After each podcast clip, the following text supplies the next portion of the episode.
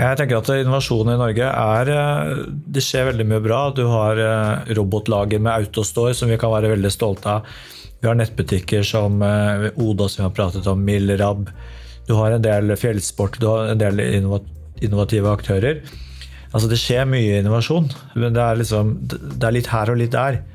Og enkelte selskaper som gjør det veldig bra, mens den vanlige gjennomsnittlige nettbutikken er kanskje ikke så veldig innovativ. Det må vi være ærlige på.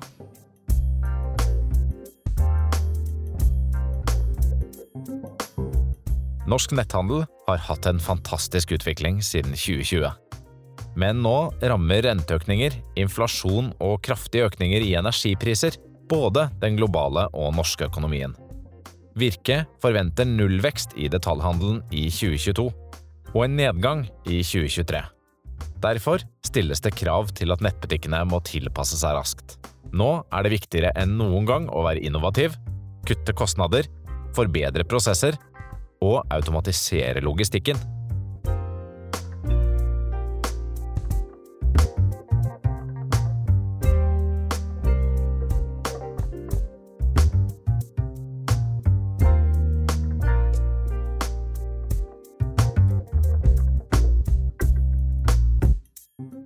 Gerhard Anton er bransjedirektør på Virke Digital Handel. Velkommen. Tusen takk, Urban! Och eh, Ole Martin Evensmo, han är grynner till eh, nätverket Springboard Martech och till eh, nätavisen Martech 24. Välkommen! Tack för det. Tack för det. Jag ska inte säga välkommen, det är ju du som ska göra egentligen Gerhard, eller hur? Ja, det er nok. Du spurte om lokaler i, i Oslo, og da syns jeg det var naturlig, når du ville ha meg med i din podkast, at du fikk komme hit til oss. Ja, det, det, er jeg veldig takksam for. En fantastisk utsikt, må jeg si. Ja, jeg, det setter jeg pris på du sier, men du ga jo meg en liten lekse om hva du syns om fine lokaler i forhold til andre. Men, men jeg kan jo si at vi har jo hatt Vi har jo på en måte Virke bygger jo på lange tradisjoner, og dette er vårt bygg og vår kapital på den måten i det også. Da. Ja. Hva Gerhard antyder her, det var at jeg, jeg berättade at jeg har vært rundt og truffet masse norske e-handlere, og jeg tycker mange har veldig fine lokaler som ser litt dyre ut. Og min erfarenhet av e-handel er at da skal man ha låga kostnader. Eller, eller hva sier du, Ole Martin? Og jeg tror det at En, en god kjøpmann han holder jo kontroll på kostnadene sine. og Da skal du ikke spandere altfor mye på lokaler. Nej. Vi har samlat här idag för att jag tänkte jag vill hitta två människor som har bra koll på e-handel och eh, detaljhandel i, i, i Norge. Och Gerhard, du har jobbat med detaljhandel i, i 20 år, eller hur?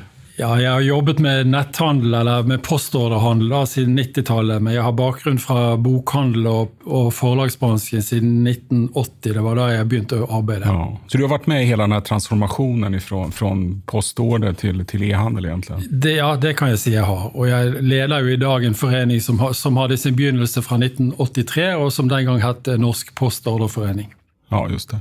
Och Ole Martin Evensmo, du, du, före du startade Springboard Martech och Martech 24 så, så startade du Next, den här stora e-handelskonferensen i Norge, och ehandel.com. Men, men, det har du sålt?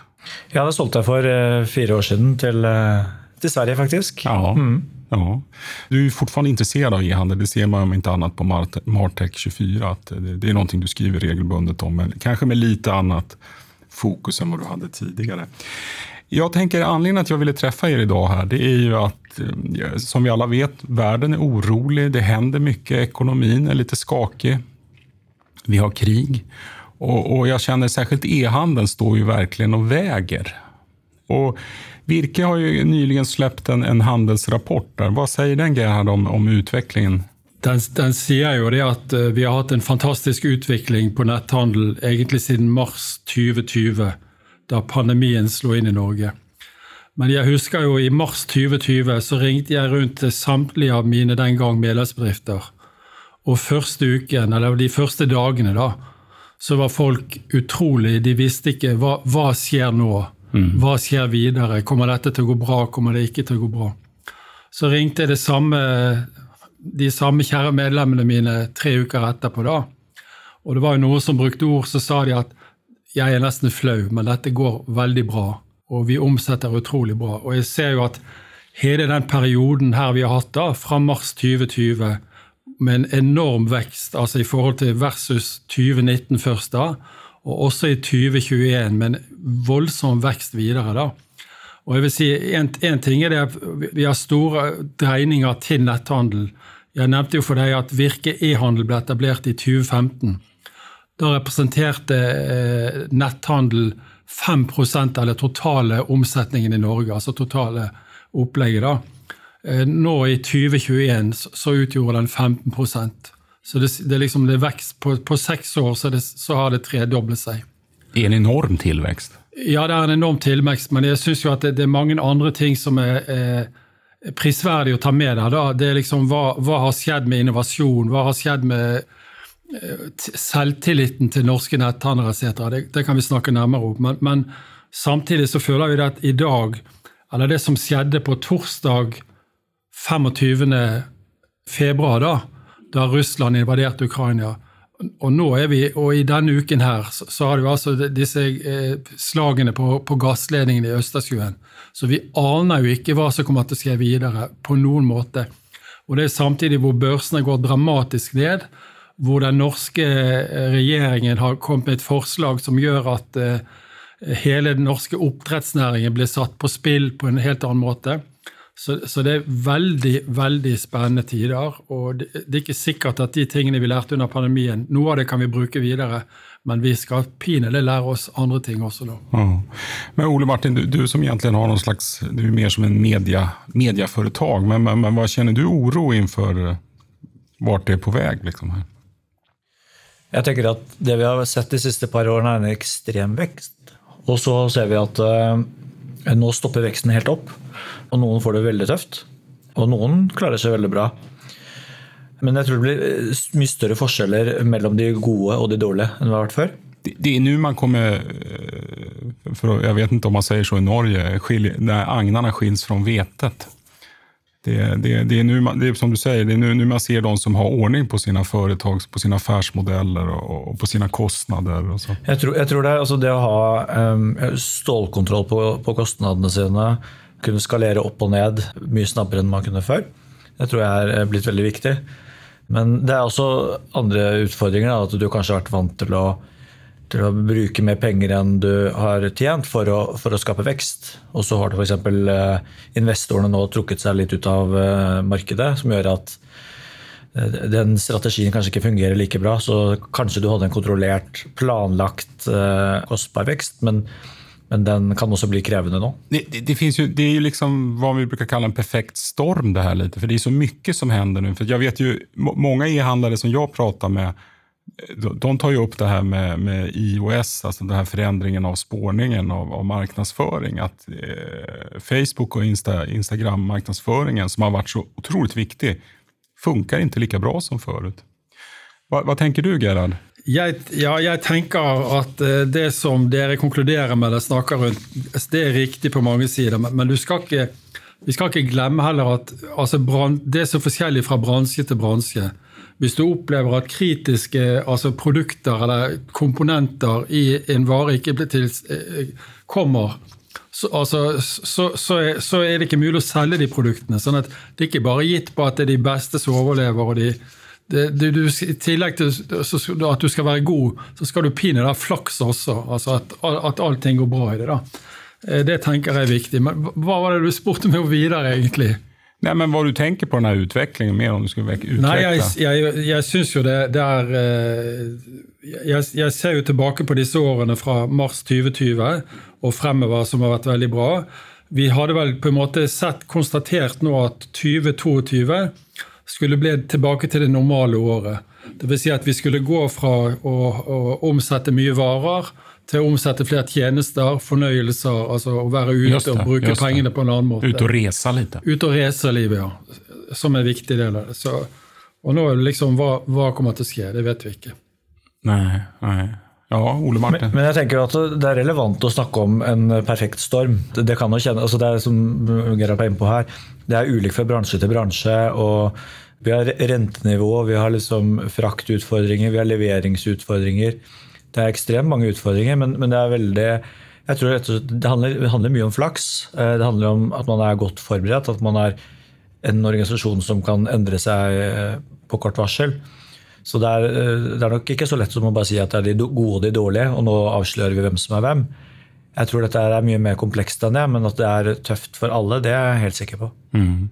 Hva ser vi for forskjell mellom ulike bransjer på netthandel?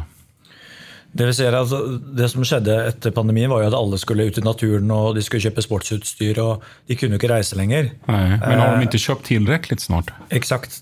Nå har de kjøpt alle de teltene de skal, og, og nå kan vi igjen reise. Så det er klart da blir det store endringer. Så nå er vi mer tilbake til normalen. og da er det en god kombinasjon av tjenester og, og, og billetter og, og, hoteller og den typen uh, saker. Og så har du da selvfølgelig sportsutstyr, klær, bøker, typiske e-handelsvarer i alle markeder. Mm. Det er jo ganske naturlig at, at tilveksten bromses opp, egentlig. Men, men hva, går det ens å forutspå hva som kommer hende det nærmeste året? her? Hva, hva, hva, tenker dere analytikere, Gerhard? Ja, det de tenker, det, det, vi ser på da, Vi snakker jo litt om de to finanskrisene i, i 2008 og 2014. da. Og det, det, vi så tydelig der, det var det at eh, du fikk jo på en måte kapitalvarer da, i alle former. Det, det er der det bremser opp.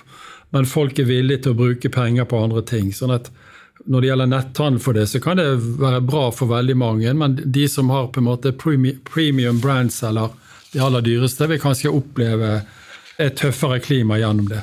Men det er klart, det som Ole Martin sier, også er helt riktig. Som eksempel sportsbransjen, da, som gikk veldig opp. Og klart også at når vi var forhindret fra å være ute og reise og, og bevege oss noe særlig, så investerte folk veldig mye i sine egne hjem i form av oppussing. Men der har, man vel, der har man vel også kanskje investert tilrekkelig? eller? Nettopp. Der, der, er man sannsynligvis ferdig nå. Det er, ikke, det er ikke der man skal gjøre det mer. da. Mm. Mm. Jeg tenker at uh, Vi nordmenn har jo sånn historisk sett likt å kjøpe dyre varer. altså Vi kjøper de, liksom, de beste merkevarene, og det skal gjerne være de beste produktene fra den beste merkevaren. Jeg vil tro, uten at det være noen spåmann, at det, at det kan endre seg nå. At den vanlige mannen i gata har ikke råd til å kjøpe like mye produkter og like dyre produkter som før. Det er den ene siden av saken. Og så har du selvfølgelig, det, hvis du ser helt opp på det luksussegmentet, så tenker jeg at de som har mye penger eh, De har alltid mye penger. De har alltid mye penger. De, de kan alltid de kommer fortsatt til å kjøpe de bilene de skal, eller de luksusklærne eller de dyreste sportsutstyret. Så det tror, men det er jo ikke de som utgjør den store massen. Så det er liksom den vanlige mannen i gata. Han har mindre penger å bruke. Og det kommer til å påvirke handelen. Jeg vil tro at det påvirker snittordreverdiene og hvor mye faktisk folk legger igjen i en butikk. De kjøper fortsatt en jakke, men de kjøper kanskje en litt billigere jakke enn før. Nordmennene er jo glade i å, å handle utenlands. Og, jag, det handler jo en hel del på nätet utomlands. Hva, vad, vad, vad tror vi der? Kommer, kommer den utviklingen fortsette også? Den utviklingen stoppet egentlig litt opp fra faktisk 2020. Altså, Så det er redan bromsats? Altså? Ja, det har bromset. Og det er jo det regulatoriske ting som har gjort det. da. Mm. Men, som hva da for ja, Som det og, å, å, at du må betale moms på utenlandske varer mye tidligere enn tidligere. Og som det med eh, hvor du nå prøver å gjøre et type one stop shop med at folk må handle på alle varer som de handler fra utlandet, da må de betale moms. Og jeg tror jo også det at kanskje gjennom de siste årene så har, du lært det at eh, man handler mer fra norske nettbutikker altså relativt sett da, enn fra altså de har hatt en altså Under pandemien har vi behandlet mer, mer ja, på Ja, det har det faktisk. Sånn at eh, den utviklingen er bremset. og Det tror jeg det har vært bra for norske netthandlere. og jeg tror at de har vært så bevisst på hva, hva, de er nødt til å levere rundt det for å få det til. Mm. Mm. Men det er klart, samtidig så er det jo litt sånn med Hvis norske netthandlere skal konkurrere med det, så må de ha det sortimentet som folk eh, etterspør. Vi, vi, ser jo at de, de, som gjør det veldig bra av de største norske netthandlerne, de har et enormt sortiment, og de klarer å tilby det som publikum ønsker. Eller ikke kanskje klar over at de ønsker, men de ønsker seg mm. likevel. Mm. Mm. Ja. Jeg kommer en liten tilleggskommentar der. og jeg, altså Det at netthandel fra utlandet er faktisk eh, litt på vikende front, det er det ikke noe tvil om. Men det betyr ikke nødvendigvis at den norske nettbutikken gjør det bedre. Den gjør det også, Jeg har sett litt på handelsrapporten til Virke. og det som, De som faktisk er vinnerne, er eh, butikkjedene, omnikanalaktørene, som nå begynner å, å, å, ta større plass i handelen. Også på nett. Er, er, det, er, det, at de blir bedre på nettet enn hva de har vært tidligere? Eller? Ja, definitivt. Og egentlig tenkt sånn i mange år at de store kjedene de liksom, det tar tid, men nå begynner det toget å, å, å, kjøre. Hvis du er en liten nettbutikk, så skal du nok være like bekymret for de store kjedene som du skal være for de store internasjonale aktørene, i hvert fall nå på kort sikt. Hva tenker dere kring det her med, med Amazon? Tror dere at de kommer komme til Norge? För det, alltså i, i, Sverige så var ju Amazon det var ju verkligen den stora vargen alla gick och väntade på. Sen, sen, så blev, sen när de väl kom så är det ingen som har brytt seg riktig. Nei, vi, det er ingen som snakker i hvert fall veldig lite. Vi snakker om Amazon i dag som et spøkelse på samme måten. Så, og Vi har nok sånn sett lært, lært, av Sverige, men vi har vel også lært av det regelverk som kommer etter hvert gjennom eh, denne DSA, Digital Service Act. Og ikke minst med det som heter DMA, Digital Marketing Act. Og det går jo nettopp på det at man setter begrensninger på eh, disse store plattformene. Og det er jo det Virke sammen med våre søsterforeninger i Skandinavia jobber mye rundt. da, Nemlig å si at de må forholde seg til de samme, det samme regelverket, de, de, store aktørene, da, som, som de lokale aktørene eller lokale nettbutikkene er nødt til å gjøre. Og det er klart at eh, gjennom, gjennom, EU, EØS og alt det kan gjøre, da, så betyr det jo at de får helt andre krav på seg, de store plattformene, da, i forhold til tidligere. Og, og dette vil gjøre også at eh, det blir på en måte mer like konkurransevilkår. Så. Mm. Men jeg tenker også at uh, Konkurransevilkårene er helt sikkert et viktig poeng, men vi må også ta inn over oss at Norge er et veldig lite land. Og ganske få innvånere. Det er, veldig, ja, altså det er et langstrakt land, så logistikkmessig er det litt krevende. Det er få mennesker som, som, bor her, og det språket vi prater her, er, det er kun i Norge. Sånn at du kan ikke gjenbruke så mye av det du for selv det du gjør i Sverige. Du må gjøre jobben helt på nytt. Og skal Amazon gjøre det for det lille norske markedet nå? Jeg skal ikke si så mye om når Amazon kommer, for de kommer helt sikkert. Men om det er i år eller om 20 år, det har jeg ingen mening om. Og det tror jeg ikke Amazon selv har heller. Jeg tror at det kommer ta noen år. Jeg tror at den norske marknaden er for liten, og dessuten krongler de i og med at den ikke er med i EU heller. Så blir det verre. Før eller senere, ja. Eh, jeg vet ikke, Er Zalando etablert her i Norge? Ja, Zalando er etablert, har vært etablert lenge i Norge. Ja. Men de, de, de selger fra Tyskland, men de har vært en aktør på det norske markedet siden 2013 omtrent. Så en av de første tingene de valgte å gjøre da Zalando gjorde inntreden i Norge, da, det var å bli etablert som en trygge, bli trygghetssertifisert. Nettopp for at de skulle være på en måte hva skal jeg si, kapable innenfor alle ting og gjøre, gjøre det rett. da.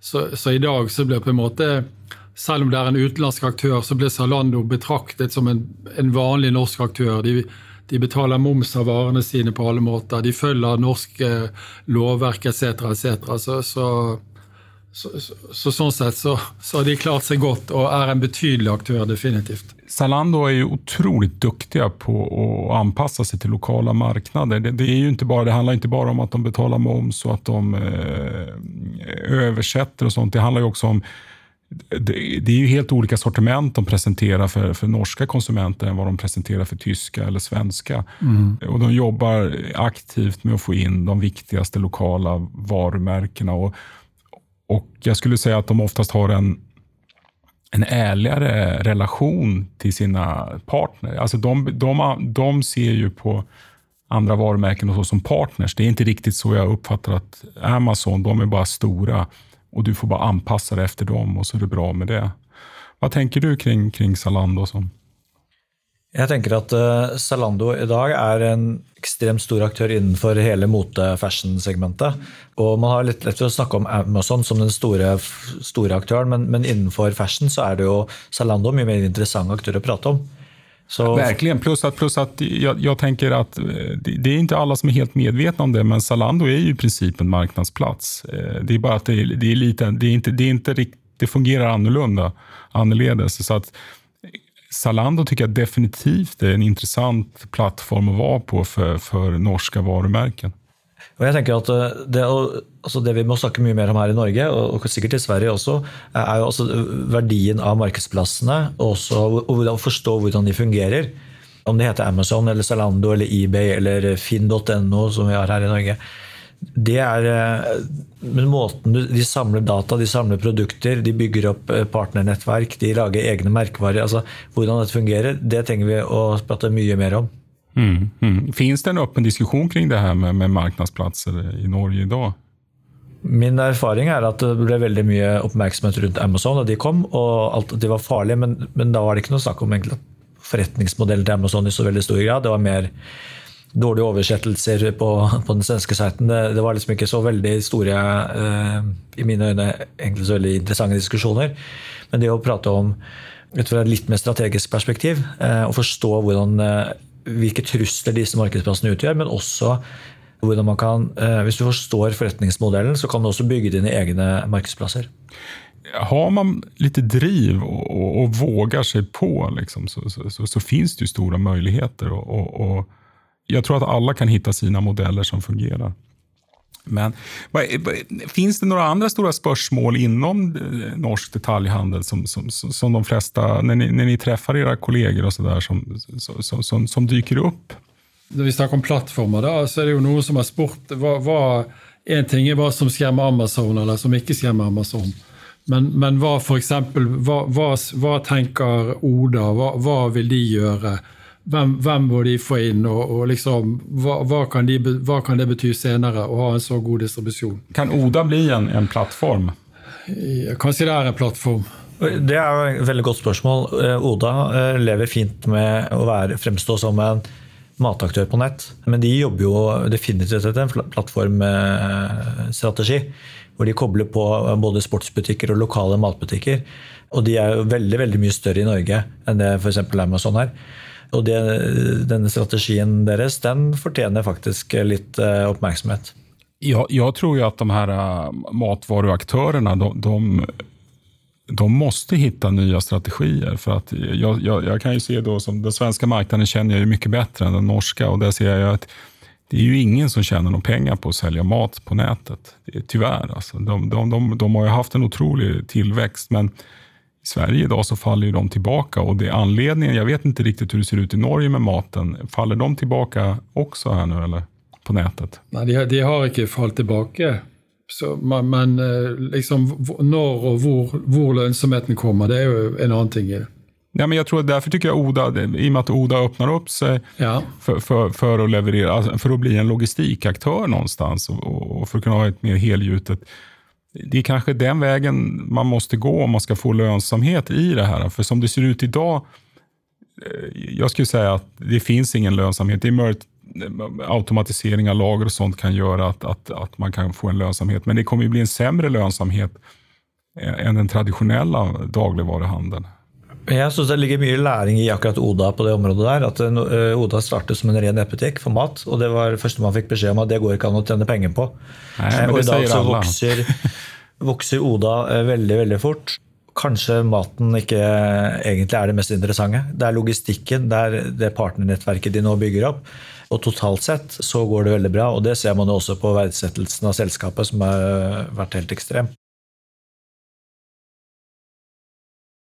Jeg tenker, Gerhard, om man tittar i tradisjonelt köpcenter så har jo alltid matvarubutikken, dagligvaruhandeln, har, har ju vært den som drar inn folk i kjøpesenteret, eller hur? Jo da, det har det. Og, og, jeg tror folk er tydeligvis ikke mettet på kjøpesenteret og det å møte andre folk, da. For hvis vi snakker om den delen av handel som har økt mest fra i per august 2022 versus august 2021, da, mm. så er det nettopp kjøpesenteret. Med, det er kjøpesenter. Ja, som har hatt en, det er inte, det, kjøpesenter det er inne i staden, mener du? Eller, eller er det eksterne? Det er eksterne, ja, som, er, som er, store kjøpesentre. Ja. Det sier jo noe også om at vi er sosiale dyr. Vi ønsker å være ute blant folk og treffe de også. Så den, den opplevelsen som et kjøpesenter gir, den er ikke å Ja, det, är, det är ett viktigt element i det. Ja, plus att köpcenter idag är ju, är ju väldigt mycket mer än bara varuhandel. Det är ju ja, alltid exakt, ja. ordentligt med restauranger och kaféer och nagelsalonger och gym och allt vad det kan vara. Ja. Biografer. Mathandeln på nätet kommer ju öka naturligtvis. Ja, vi, har vi siffror på hur stor mathandeln på nätet är idag? Alltså? Men den, den, øker jo, men den øker jo fra så små volumer på det. da. Men, men jeg tycker at om man, om man vill ha koll på utviklingen med detaljhandel i et land, så måste man ändå ha koll på maten. Just i og med at den er den här magneten inn i köpcentren. För, För vad händer den dagen när man börjar lägga ner matvarubutiker? Då, då kommer den här naturliga... Den här, för att folk verkar ju ändå tycka om att handla mat i fysiska butiker. Annars skulle de ju inte handla så lite på nätet. Vad händer då? Det, det, det är, men det är några år fram i tiden. Liksom. Jeg tenker at eh, jeg har selv drevet flere nettbutikker og, og liksom fått høre at den bransjen her, den, ikke, den fungerer ikke på nett. Okay. Det, og, eh, og det, Hva det, tenker du da på for bransje? Det her er en del år tilbake, men jeg solgte store griller og, og snøfresere. Nei, det, det, kan du ikke selge på nett. Det låter jo som utmerket nettprodukt. Det gikk perfekt. Det tok 14 dager, så var vi en av de største. Eh, sånn at det, Kanskje det var setter litt på spissen, men det var, det var, ikke langt unna. Det tok veldig veldig kort tid. Den ene bransjen etter den andre. Apotekbransjen kommer, matbransjen kommer. Motorbil og motorsykler og den type ting kommer. Altså Folk vil kjøpe alt på nett, men ikke alle typer produkter på nett, men kanskje ikke 100 eh, men om det blir 5% eller 10% eller 20% 50% Det kan variere. Men, men det, man ser ju väldigt tydligt också, om man tittar på Sverige, så ser man ju väldigt tydligt att enskilda aktörer kan göra skillnad på ett segment. För att apotekvaror i Norge är ju relativt liten andel eh, nätförsäljning, medan i Sverige är den relativt stor.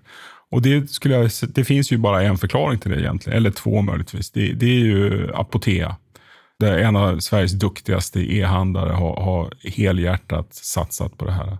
Och sen fått efterföljare som också gör det bra. Jag tror att i den här världen så kan faktiskt enskilda entreprenörer göra skillnad, skulle jag vilja hävda. Det er en veldig interessant påstand. og jeg tenker det at I Norge så har du tilsvarende med komplett apotek, det som ja, i dag er farmasiet. De brukte altfor lang tid på å komme i gang. Det var eh, kanskje litt interne altså politiske utfordringer, definitivt.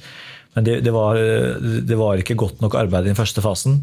Det farmasi gjør i dag, tror jeg er mye mer interessant. Og det faktisk kan løfte hele bransjen og også pushe kolleger til å, til å faktisk sette opp farten. Så det tror jeg er helt riktig. Gerhard, hva er du mest orolig for innenfor framtiden, om vi tittar på handelen i stort? Eller du kanskje ikke er orolig? Jeg føler jo samtidig at vi er veldig urolig for den situasjonen vi er oppe i nå. Det, det bildet er tegnet. Men jeg, jeg syns jo samtidig at det, det som bl.a. norsk handel og, og, netthandel for den del har, på en måte klart å gjøre i løpet av disse årene, det viser jo at det har vært, det har vært innovasjon til stede. Det er villigheten av å prøve nye ting. Og, tror, og det som er mest viktig, og som er kjempebra for oss, det er at disse aktørene klarer å gjøre endringer, radikale endringer på kort tid. Jeg tror Før så var det veldig preget av sånn at man skulle lage prosjektarbeid og kvalitetssikre allting. Nå tror jeg no, mange ganger istedenfor å drive goldplating, hvor liksom alt skal være 100% bra, så er det sånn at er ting godt nok, så ruller vi det ut. Mm. Og så forbedrer vi det under marsken. Og jeg tror at det å ha en sånn ekstremt mye høyere grad av innovasjon i det, da, og som kjennetegner yngre folk i dag, de er villige til å gjøre, de er villige til å ta sjanser og villige til å satse på det. da, det, det, är ett bra tegn i tiden i hvert fall. Mm. Men jag tänker, Ole Martin, vi, vi spelade ju in för min svenska podd i våras faktiskt, där vi snackade om innovation i norsk e-handel. Och vi kunde ju faktiskt konstatera att det fanns väldigt mycket innovation, men kanske inte så brett spridd mellan aktörer, eller? Jeg tenker at Innovasjon i Norge er eh, Det skjer veldig mye bra. Du har eh, robotlager med Autostore som vi kan være veldig stolte av. Vi har nettbutikker som eh, Oda, som vi har pratet om, Milrab. Du har en del fjellsport, du har en del innovative aktører. Jeg syns flere leverandører, altså enten det er last mile-leverandører, gjør mye bra.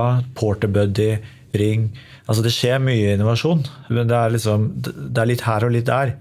Og enkelte selskaper som gjør det veldig bra, mens den vanlige, gjennomsnittlige nettbutikken er kanskje ikke så veldig innovativ. Det må vi være ærlige på. Mm. Jo, men jeg tror, jeg, jeg tror, jo det, Ole Martin. Når du ser f.eks. at eh, i løpet av de siste to årene da, så er det antall eh, kjeder som er på nettet. Da. Det, har, liksom økt fra Du, du, liksom, du tar 10, 10 opp omtrent. da. Så I dag så er det knappe 80% av kjedene som er på nettet. da. For to-tre år siden så var det 70 det sier jo noe om at det, det, er villig til å satse. Det er klart at alle, alle, gjør det ikke like bra, men jeg tror jo det er kanskje Noen ganger så må du også tenke det at det som gjør oss, eller de nordiske landene spesielt, da, med høye lønnskostnader eksempelvis, da, godt nettverk eller godt, hva heter det, trygghet for de ansatte osv., som i utgangspunktet koster mye penger. Det gjør jo også at vi er nødt til å være mer innovative. Og Det er jo typisk derfor altså, aktører som Autostore, som har klart å, å, å, ta og begynne å eksportere sine varer også. Det er for at de, de klarer å lage produkter, de klarer å lage tjenestepakker rundt det som er ganske unike, og det gjør det ut fra at du har så høye lønnskostnader at du er nødt til å jobbe mye smartere mm. enn en andre steder, f.eks. i Sør-Europa eller Øst-Europa, hvor du kan liksom putte på mye flere eh, ansatte til å gjøre den samme jobben. Mm, mm. Hva tenker du, Ole Martin? Jeg tenker at Vi er inne på et interessant punkt her i forhold til eh, eh teknologi. At jeg så ser at Grovt sett kan du dele inn teknologiselskaper i to typer selskaper. Det er de som eh, hjelper til å øke omsetningen i form av altså, skape bedre, bedre kundeopplevelser med relevans. Og så er det teknologi som bidrar til å effektivisere handelen og kanskje også kutte kostnader. Og jeg tenker at Autostore for eksempel, er et eksempel på en akt Du selger ikke noe mer varer i utgangspunktet fordi du har et robotlager, men du kutter kostnadene dine. Og det er klart at eh, De tidene vi er inne i nå også, så tror jeg altså at eh, det å ha, eh, ha mer fokus på kostnadskutt, og da også f.eks. ta i bruk teknologi som kan bidra til de kostnadskuttene, det tror jeg er noe vi kommer til å se mer fokus på fremover. Men jeg tenker også ambisjoner hos norske, norske foretak. For at du, du, du har jo nettavisen Martech 24. Och eh, där, där, är ju många goda norska företag. Och de, jag menar, de satsar ju inte bara på Norge. För att man startar ju inte en SAS-tjänst. Jag menar, det kanske finns SAS-tjänster som satsar nationellt, men det låter korkat. Jag menar, där har man en internationell utblick från början, eller hur? Vilket jag saknar hos många norska e-handlare.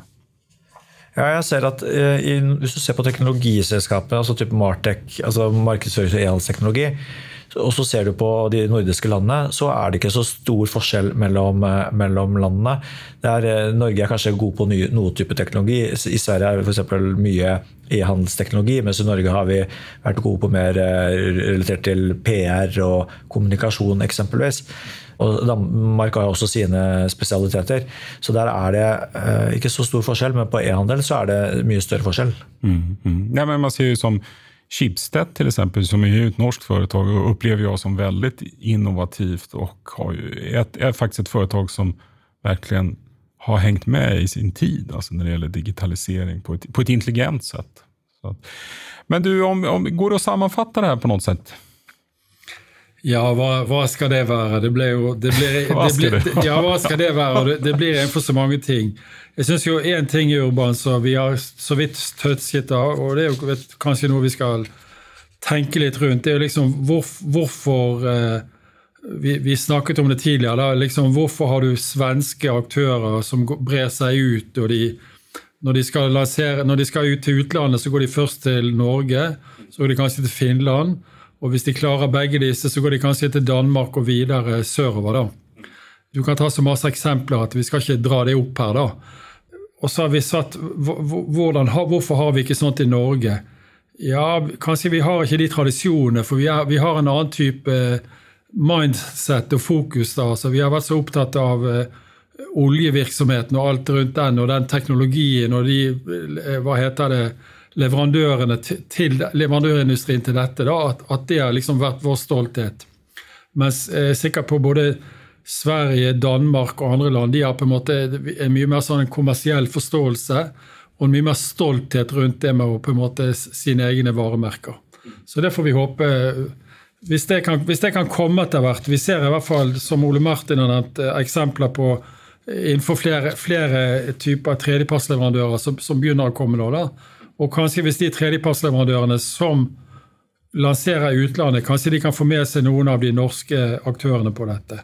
Nå tror jeg dessverre at eh, det som har skjedd eh, fra februar måned, da, har satt skudd i baugen for det. fordi at i fjor på disse tider så var kvedet det at nå må Virke lære oss til å eksportere til utlandet. Da Da var liksom det veldig fokus rundt det. da, Mens vi tidligere tre-fire år før de hadde prøvd å si det samme. Da var det ingen som ville høre på oss på det. Er det sant? Ja, det er sant. Mer eller, mer eller mindre. Da er det ikke rett å si. For det har vært Komplett har prøvd å gjort lanseringer i utlandet. Stormberg har prøvd å gjort lanseringer i utlandet. Bli vakker, altså, bli vakker og flere andre også. Det er mange som ikke har lykkes. Men det viser vel kanskje at når de går på på nytt inn da, som komplett 2.0, da, så, så, så, begynner det å funke i Sverige. Og jeg er sikker på at hvis de får det til å funke der, så kanskje det vil gå videre. Og det er helt, sikkert, helt sikkert andre norske netthandlere som vil ha en lignende historie. Men, men jeg tenker at även om det är många svenska e-handlare som satsar på Norge, vilket det har ju fram tills nu, jag tror det är lite på förändring. Idag tror jag de nya varumärkena som kommer, de, de satsar bredare direkt. Och då är det inte alltid att Norge ens kommer med i första svängen. Nej. Men, men det har varit precis så som du beskriver. Men, men kan det inte vara så att Norge ändå har varit lite skyddad av att ligga utanför EU? Att det är därför man har kunnat sköta sin business själv här uppe? Eller vad tänker du, Ole Martin? Vi har nok vært litt beskyttet. Samtidig så har det jo historisk sett vært eh, lukrativt å selge til Norge, fordi vi har hatt eh, denne tollfrie grensen osv. som har gjort at norske forbrukere kunne gjøre gode kjøp i utlandet. Så, så det, er, eh, det, er, nok litt sånn sammensatt, tenker jeg. Og det, det viser kanskje heller, for at vi har jo Virke Digitalhandel har jo røtter til, til, å være en postorderforening på, på 80-tallet. Og klart den gangen du, du, kan ramse opp firma på firma som var medlem i foreningen. Og det er svenske postorderforetak som gikk inn i Norge.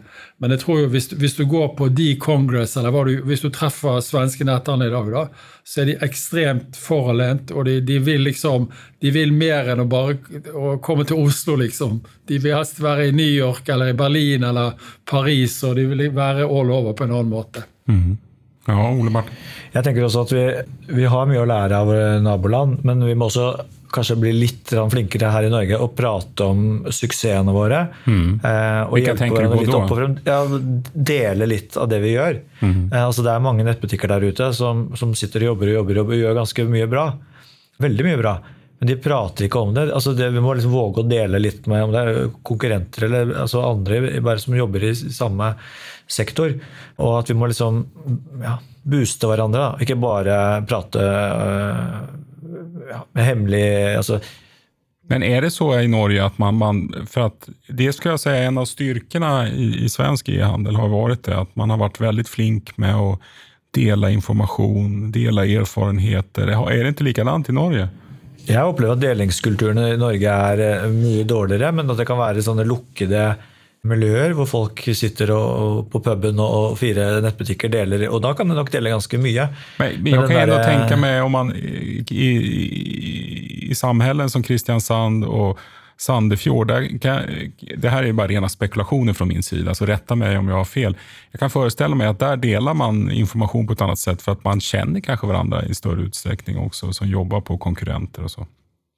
Der det finnes som e-handelshubbar i, i mindre ja, det er jo typisk Kristiansand, eh, Sandefjord, og ja. selvfølgelig også litt i Oslo-området, og sånn, så, så, deles det informasjon. Men, men, men det derre stille opp på en stor konferanse og fortelle om hva man gjorde, kanskje både av det man gjorde av bra ting, men også dårlige ting, der har eh, vi nordmenn mye å lære. Mm. Mm. Men skyldes det at vi ikke vil dele, eller skyldes det norsk beskjedenhet? Jeg tror det er en blanding. Det er litt, litt ukultur at vi skal være så hemmelighetsfulle hele tiden. Fast, fast jeg må si at jeg opplever jo nordmenn som veldig åpne, lette å gjøre med trevliga och morsamma människor. Det, det, nej men det här är inget, tack, tack. Jag, jag, sitter inte och fjäskar nu, utan det är precis så jag upplever det. Samtidigt så har jag upptäckt det att det är mycket svårare att få folk att ställa upp på intervjuer här än vad jag upplever i Sverige. I Sverige är det de här stora traditionella företagen som inte ställer upp, men det, jag inga, I Sverige har jag inga som helst problem att intervjua miljardföretag, trots att jag har en relativt liten nischad podd. Men i Norge har jag ändå upplevt att det är lite trögare att få till intervjuer och så. Vi, vi, skal eh, Vi har tydeligvis en jobb å gjøre, både Martek24 og Virke digitalhandel og flere andre miljøer. Og jeg tror at hvis, vi tar noen initiativer, og kanskje vi hjelper deg, da, Urban, og, og den, din, din postkasse også, ja, det hoppas så, Ja, så tror jeg det skal, det skal være ja. mulighet til å få det til å svinge litt mer. Det må ja, det pinadø gjøre. Ja, ja. Gerhard Antun, bransjedirektør eh, Virke digital handel. Takk for at du var med her i dag. Takk, takk. Ole Martin Evensmo, grunner av nettverket Springboard Martech og eh, nettavisen Martech24. Takk for at du var med i dag. Takk for meg. Og jeg som prater heter Urban Lindstedt. Takk og hei.